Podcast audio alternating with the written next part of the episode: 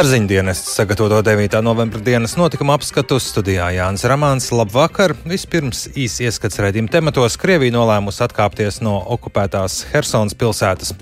Republikāņi atgūst vairākumu ASV kongresa pārstāvju palātā, bet vēl nav skaidrs, kas kontrolēs senātu. Republikāņi ir gatavi to paveikt. Tas būs jauns virziens pretī ekonomikai, kas ir spēcīga, kur jūs varēsiet piepildīt savas automašīnas bāku, pabarot savu ģimeni un kur algas pieaugs nevis samazināsies. Latvijā koalīcijas izveidē draud iestāties strupceļš. Mēs nerunājam sadalīt krēslus. Šobrīd mēs spolējam kā automašīnu dubļos vai uz ledus. Tas ir kā braukt bez ceļa kartes. Katram izdala to savu džipu vai nezinu, kādas ratus, ja braucam miglā uz skatu. Bet padomju pieminiektu nojaukšana Latvijā un vietējo mēru nostāja raisa ar vien lielākas nesaskaņas partijā saskaņa. Par šiem un citiem tematiem tūlīt plašākā izklāstā.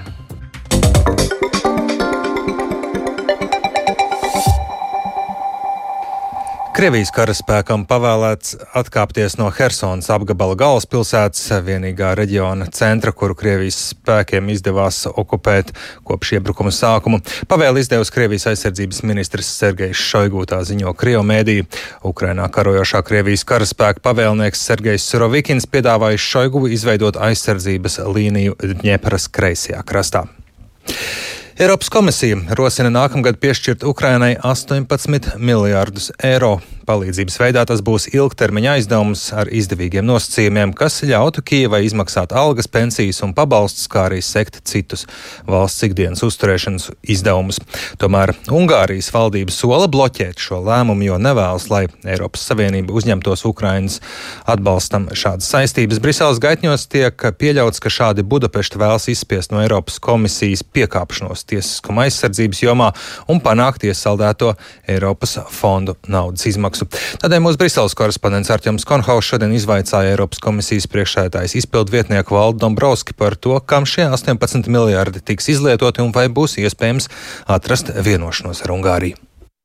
Tas, ko mēs šodien piedāvājam, ir 18 miljārdu eiro makrofinanciālās palīdzības, vai nu, kā mēs tādu saucam, makrofinanciālā palīdzība plus programma Ukrainai, kas eh, nosedz daļu no Ukrainas eh, finansējuma nepieciešamības nākošajā gadā.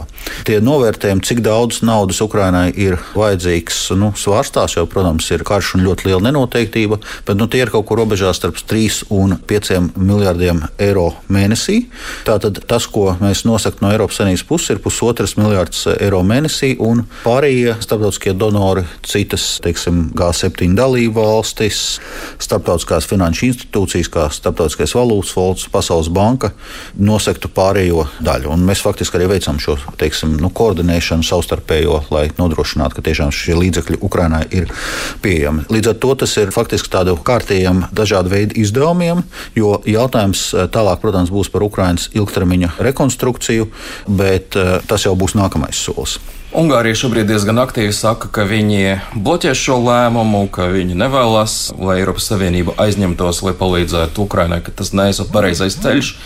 Tāpat laikā daudzi saka, ka patiesībā tā ir šantāža, lai mēģinātu izvilināt no Eiropas komisijas naudu faktiski Eiropas fondus. Vai šo vispār var atrisināt? Tātad mums bija diskusija Eiropas Savienības finanšu ministriem, un jāsaka, ka bija ļoti plašs atbalsts Eiropas komisijas priekšlikumam un izpratne par to, ka arī ir jāvirzās uz priekšu ātri. Tad mēs principā gatavojamies nu, pabeigt šo likumdošanas procesu jau šī gada laikā, lai jau janvārī naudu varētu sākt pārskaitīt Ukrainai. Protams, mums notiks vēl diskusijas ar dalībvalstīm, tā skaitā ar Ungāriju, bet nu, es domāju, mēs gala rezultātā atradīs risinājumu, jo arī Ungārija piekrīt, ka Ukrainai šis finansējums ir nepieciešams un ka jāvirzās uz priekšu ātri. Republikāņu partijai visticamāk izdosies atgūt vairākumu ASV kongresa apakšnamā pārstāvju palātā pēc vakar notikušajām vidustermiņa vēlēšanām. Savukārt Demokrātu partijai ir labas izredzes saglabāt kontroli pār augšpalātu senātā. Līdz ar to nav piepildījušās pirmsvēlēšana prognozes, ka republikāņi varētu iegūt kontroli abās kongresa palātās, ņemot vērā augsto inflāciju ASV un demokrātu prezidenta Džo Baidena zemo popularitāti. Vairāk stāstūlis Ķesberis. ASV turpinās balsu skaitīšana pēc vakar notikušajām starpvēlēšanām, kas noteiks demokrātu un republikāņu spēku sadalījumu kongresā nākamos divus gadus. No tā būs atkarīgas prezidenta Džo Baidena iespējas īstenot savas administrācijas ekonomiskās, sociālās un citas ieceres laikā līdz 2024. gada prezidenta vēlēšanām. Šajās vēlēšanās tika izraudzīti visi 435 deputāti pārstāvju palātā un 34 no 100 senāta locekļiem. Kopš 2018. gada pārstāvju palātu kontrolē demokrāti, taču sākotnējie vēlēšanu rezultāti liecina, ka turpmāk vairākums būs republikāņiem. Viņi jau ir ieguvuši vismaz 199 deputātu vietas, bet vairākuma nodrošināšanai ir nepieciešamas vismaz 218.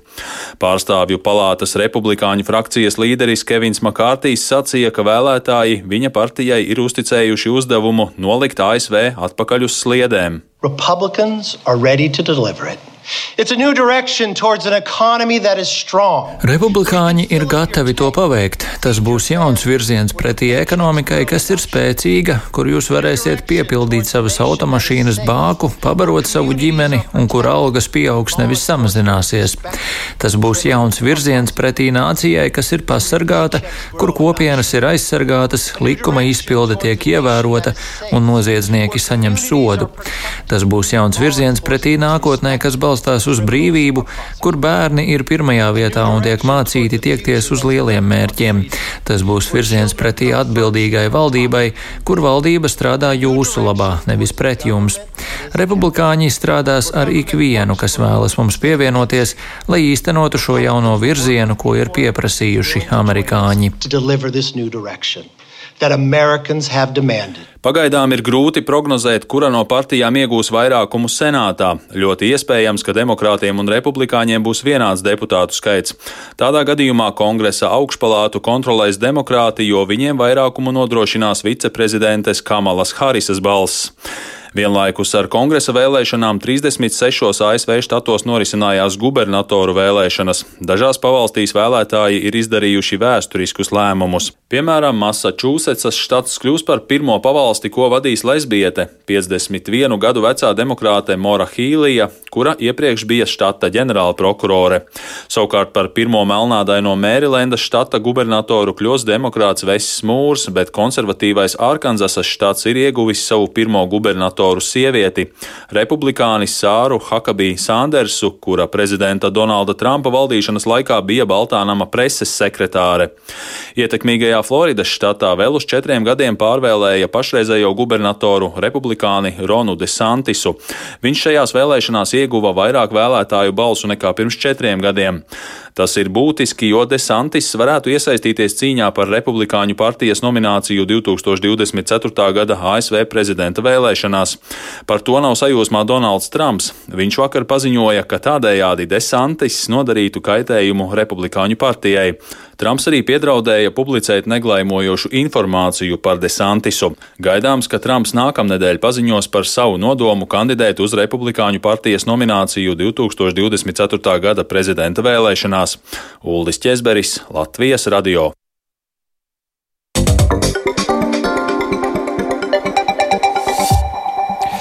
Latvijā koalīcijas veidošanas sarunu vadītājs Krišāns Kariņš no jaunās vienotības līdz nedēļas beigām gaida atbildi no apvienotās saraksta pārstāvjiem par atbildības jomu uzņemšanos. Turpretī apvienotās saraksta līderi vispirms grib gūt garantijas par budžeta iespējām konkrētās jomās, un vairāk par to Jāņa Kīņš sagatavotajā ierakstā. Arī pēc koalīcijas izveidas sarunu vadītāja Krišāņa Kariņa vizītes apvienotā saraksta frakcijā skaidrība nerodas, un jau vairākas dienas jaunas valdības deklarācijas izveide nevar sākties. Taču bez apvienotā saraksta piekrišanas uzņemties atbildību par tai piedāvātajām veselības, zemkopības, iekšlietu un reģionālās attīstības jomām valdības veidošanas process tālāk nevirzīsies. Turpina Krišāns Kariņš no jaunās vienotības. Vienīgais veids, kā mēs šobrīd to ledu varam laust, ir vai nu vienoties kopīgi iet uz priekšu. Tas ir eh, mans piedāvātais modelis - uzņemties pa 14 sfērām, eh, sadalīt atbildību un sākt strādāt pie konkrētās valdības deklarācijas. Ja mēs šonadēļ nevaram tikt skaidrībā, tad mēs arī droši vien vispār netiksim skaidrībā. Mums tomēr ir daudz kas darāms, jo nākamais solis, rakstot valdības deklarāciju, un vienoties par darāmiem darbiem starp trim politiskiem spēkiem. Tas būs izaicinājums pats par sevi. Tikmēr apvienotā saraksta pārstāvji aizvien paliek pie sava un uzstāja, ka pirms ministru portfeļu sadalīšanas jātiek skaidrībā par uzdevumiem un paveicamo, jo īpaši veselības aprūpē, izglītībā, labklājībā un iekšlietās. Turklāt vēl jārod, turklāt jārod kopīga apjausma, kuriem mērķiem finansējumu pietiks, argumentēja apvienotā saraksta pārstāvis Edvards Smiltēns. Šobrīd tiek piedāvāts kaķis maisā. Kaste ar milzīgu jautājumu zīmi, pārsteigums. No sākuma sadalām krēslus, kuros mēs nesaprotam un nezinām, ko partneri atbalstīs no konkrētiem risinājumiem, kādas būs finansiālās iespējas vispār attiecīgās nozares finansēt un kādus rezultātus mēs kopā šajās nozarēs sasniegsim. Mēs gribam šo lietu apgriezt otrādi. Smiltāna teiktais, ka politiskajās tradīcijās kārtējo reizi tiekot piedāvāts sākt ar krēslu sadali, sakaitināja Krišānu Kariņu.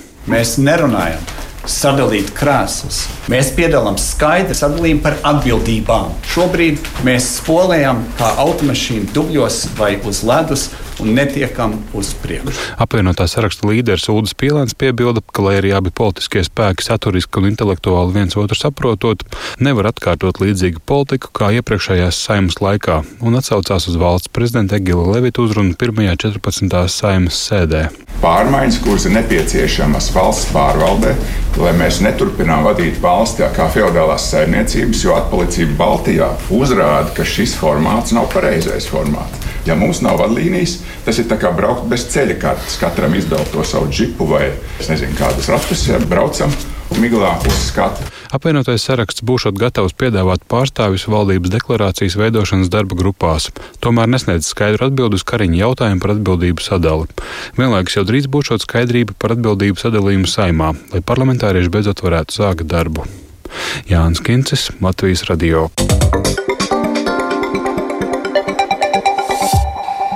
Rezeknē šorīt bez incidentiem demontēts padomju režīma slavinošais piemineklis, pieminekli atdos Latvijas okupācijas muzejām par to, kā noritēja tā demontāža un kāda bija iedzīvotāja interese vairāk Lāsmas Zuts Vītols sagatavotajā ierakstā.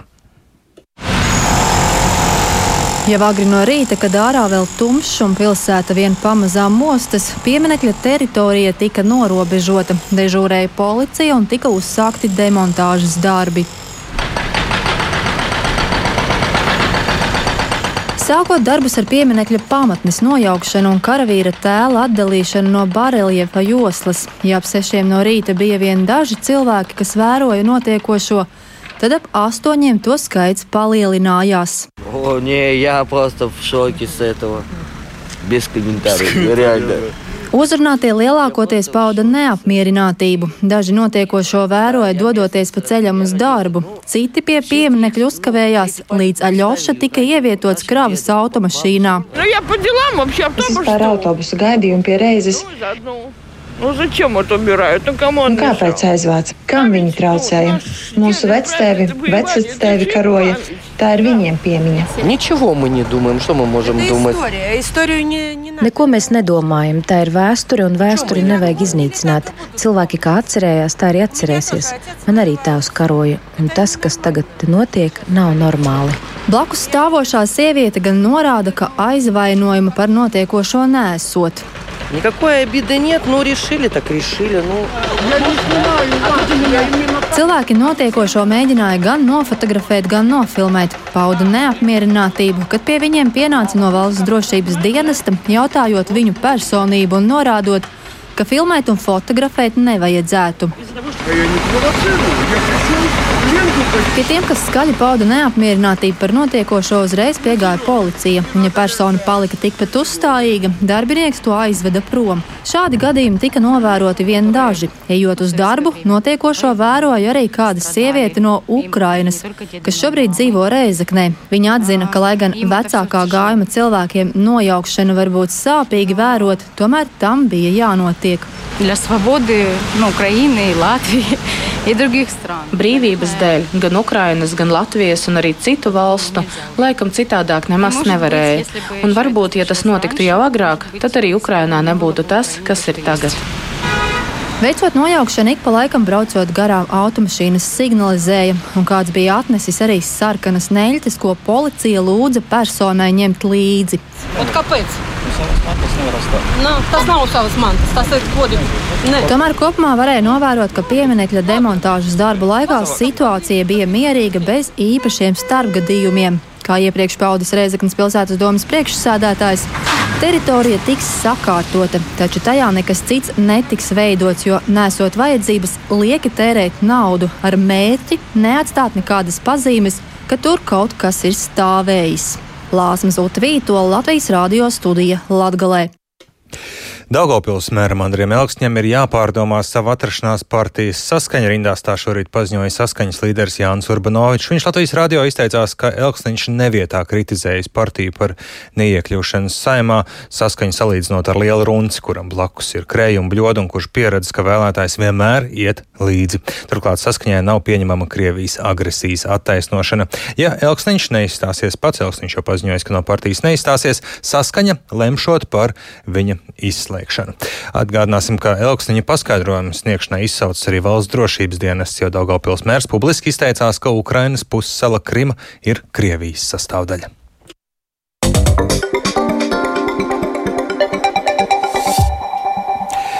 Lai noziegumus izmeklētu efektīvāk, ir nepieciešams pārmaiņas izmeklēšanas iestāžu sistēmā. Tā revīzijas ziņojumā norāda valsts kontrole. Revidents secina, ka kompetence izmeklēt koruptīvos noziegumus pārklājas, tāpēc iesaka iestāžu skaitu mazināt. Plašāk par visu Lindas Pundiņas sagatavotajā ierakstā.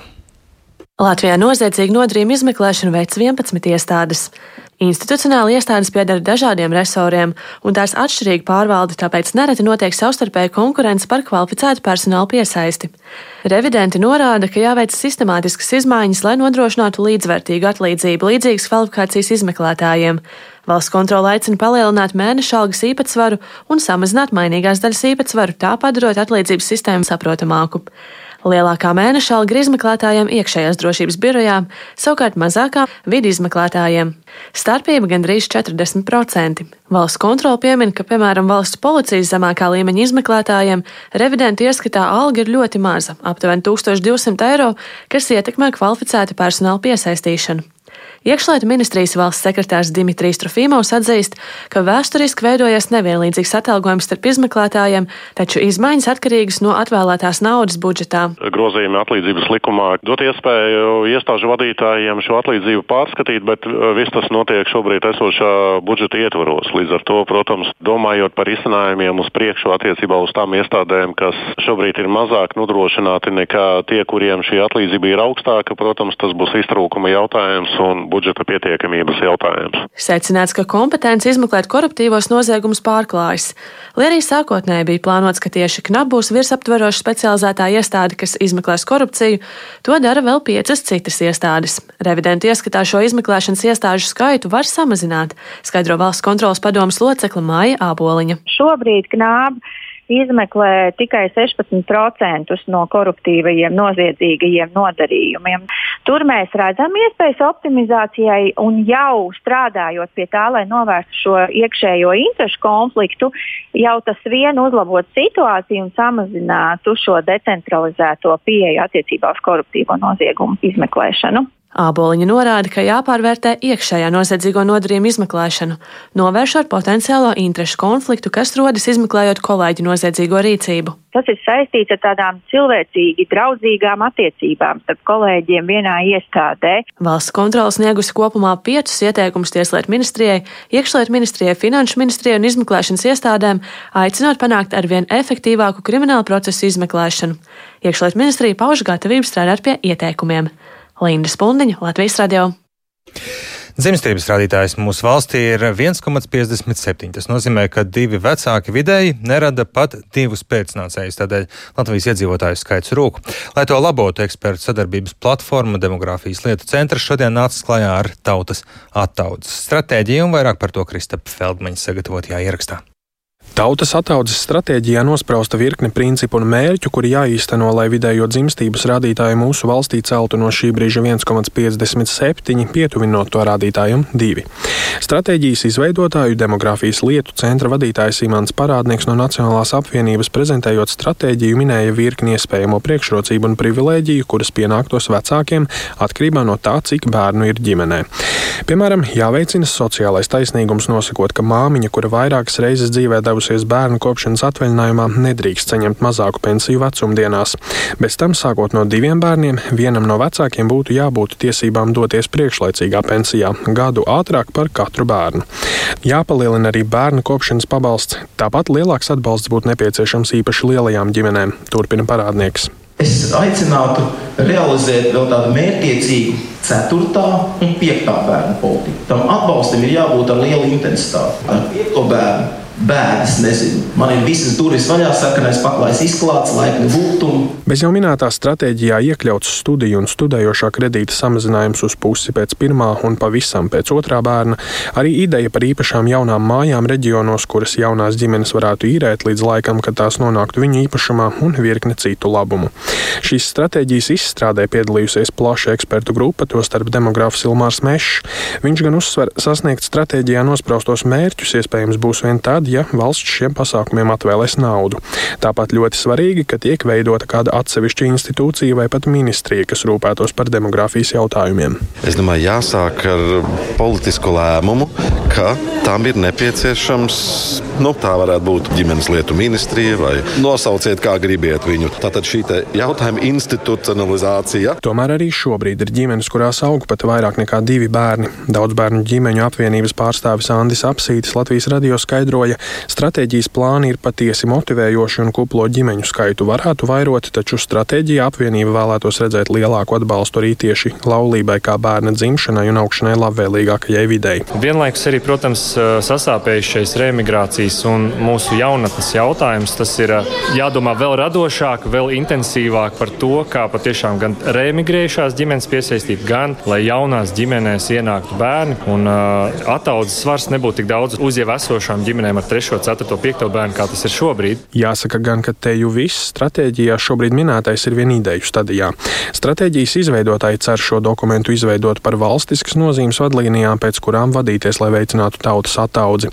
Kā norāda dokumenta autori, stratēģijas mērķis ir radīt vidi, kurā būtu tā, jo lielāka ģimene, jo pasargātāka, atbalstītāka un privileģētāka tā justos.